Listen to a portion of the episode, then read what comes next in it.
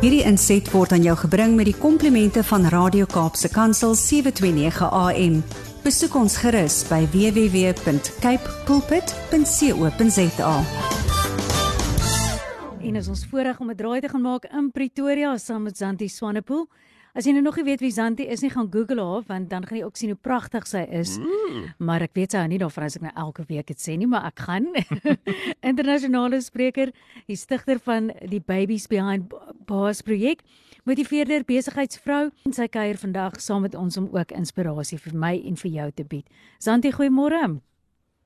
Goeiemôre. Ag, wat 'n lekker voorreg om met julle te praat in die mooi Kaap. Ja. Van 'n baie reënerige en bewolkte Pretoria. So ons Ja. is baie gebless. Ek is mal oor hierdie weer. Ek wil net my gumboots gaan aantrek en stap.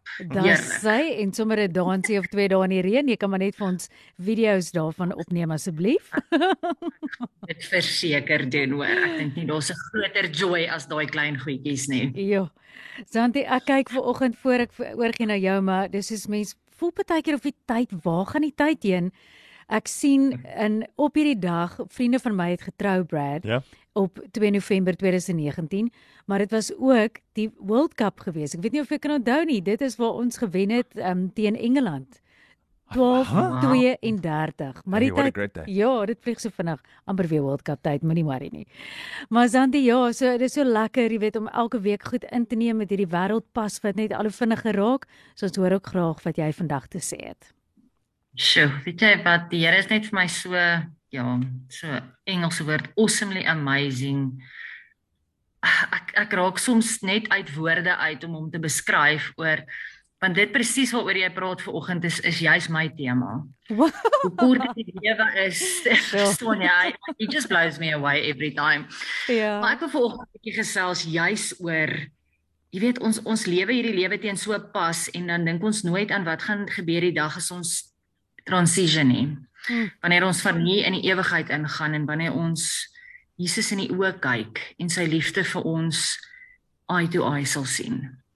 En ek dink ons moet meer leef met 'n ewigheidsperspektief as 'n hier en 'n nou en vasgevang word in die beperkings van wie ons is en wat ons is in ons lewe hier op aarde.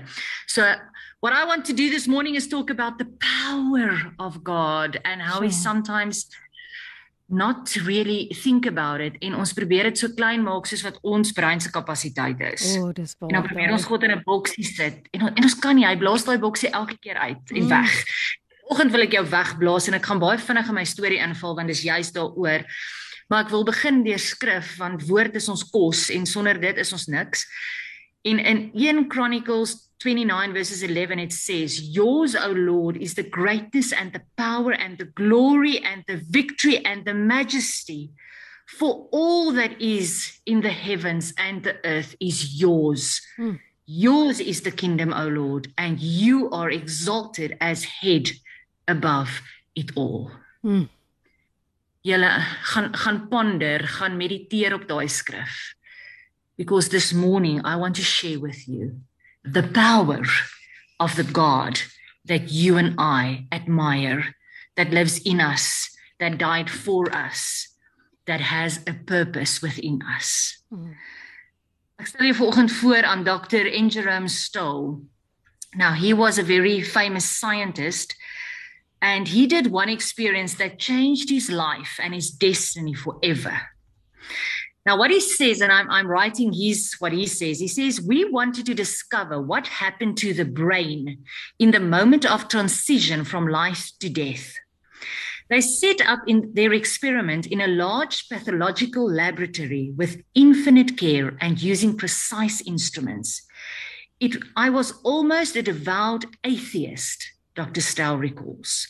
I didn't believe that God was anything more than a collaboration of everyone's minds put together and that the good was that the good that was there was God as far as I was concerned. As for the real powerful God, loving us all, being the power of everything, I did not believe that at all. But in the large pathological laboratory that day, he had an experience that gave a jolt to his religious tenets. Hmm. We chose a lady whose family had put her in a mental institution but had been dischar- discharged. The doctor could find nothing wrong with her except that she had cancer of the brain. This affected the balance of her body. But as far as her alertness of mind was concerned, and in every other aspect, she was exceptionally brilliant. But we knew that she was on the verge of death and informed her of this research hospital that she was going to die. Hmm. Before informing her of this, we attached a small little pickup to her brain to ascertain what would take place in the transition process from life to death. They also put a very small microphone, the size of a quarter, in the room to hear everything she might say after hearing of her impending death. Five of us, hardened atheistic scientists, perhaps of which I was the hardest and most stern atheist of them all, were in an adjoining room with our instruments, Dr. Stowell continues. Prepare to register and record what transpired. Our device had a needle pointing to zero in the center of the scale. To the right of the scale collaborated 500 points positive and to the left 500 points negative. We previously had registered on this identical instrument the electromagnetic power used by a 50 kilowatt broadcast center sending a message around the world. Now, you would understand about broadcast centers. Mm. The needle registered nine points to the positive when this 50 kilowatt broadcast center sent a message around the world. So they tested a system to give messages globally. And when this was tested, this very powerful system only went to nine positive on the scale. As the last moment of its this woman's life arrived, she began to pray and praise the Lord. Her prayers have so beautiful or were so beautiful that they came through on the little microphone and held the five men in the next room spellbound. They heard her ask the Lord God to be merciful to those who had a spiteful use for her. She didn't know that there was a microphone on. Hmm. Then she reaffirmed her faith in God. Dr. Stowell continued, telling him she knew he was the only power and he was the living power, told God that he had always been everything to her and would always be. She told him how much she loved him. Engrossed in the beautiful torrent of praise, the five scientists completely forgot about their experiment and hung onto the dying woman's lips. We looked at each other and saw tears streaming down each other's faces. Scientific faces, Dr. Stowell recalls. He said further, he had not shed a tear since he was a child until that day.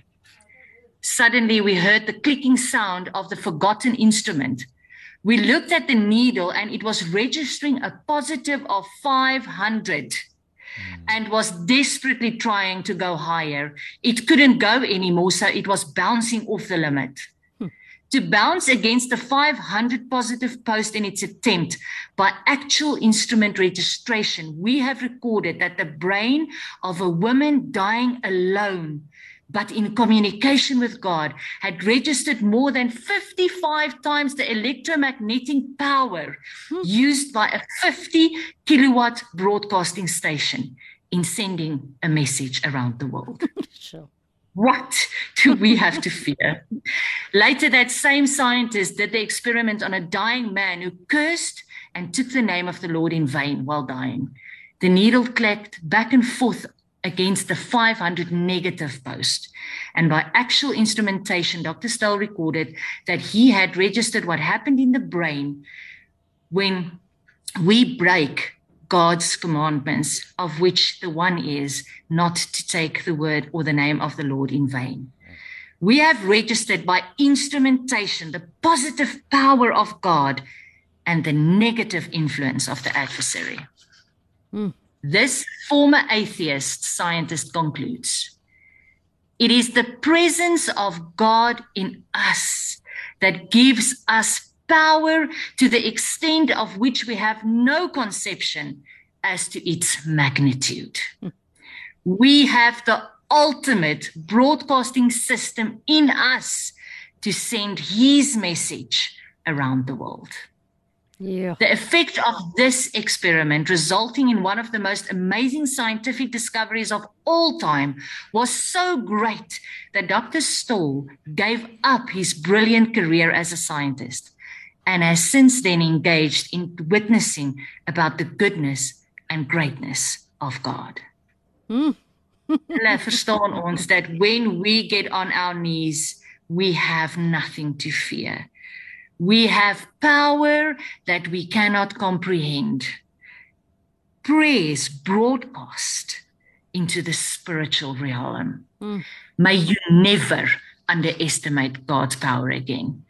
Mag jy nooit weer bang wees omdat jy in 'n situasie is waar jy nie die uitkoms sien nie. Want ek sê vir jou, ons verstaan nie wie God is nie, maar soms is dit nodig om net weer dit te erken en dit te beleef Mm.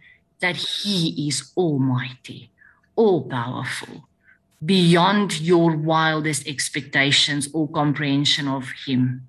May he make that truth drop deep into your spirit. Mag jy weet dat jou gebede meer as 'n 50 kilowatt broadcast center uitstraal. And what difference can that make in your and my life today? Amen.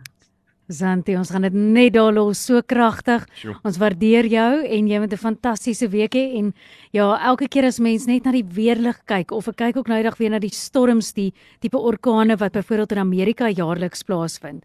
En as mens net na daai krag kyk en jy besef maar God het daai gemaak. Dis 'n druppel in die emmer van die krag. Jy weet dan resoneer dit so sterk met wat jy sê. So dankie vir daai absolute herinnering dat ons weer gaan uitvind wie is ons God? Weet ons regtig en die krag wat binne ons leef as ons hom as ons verlosser kies. Sjoe. Baie dankie Santi met 'n heerlike dag hê. Geniet daai, dis pannekoek weer nou en jy bak mos het jy gesê is dit vry? Nee, wanneer bak jy pannekoek vir jou Sondaande, gesin? sondaande, maar ek dink hy kan na Woensdag aand toe Ah, sluit. ja, gaan sy, twee keer 'n week. Lekker dag hoor, bye. Hierdie inset was aan jou gebring met die komplimente van Radio Kaapse Kansel 729 AM. Besoek ons gerus by www.cape pulpit.co.za.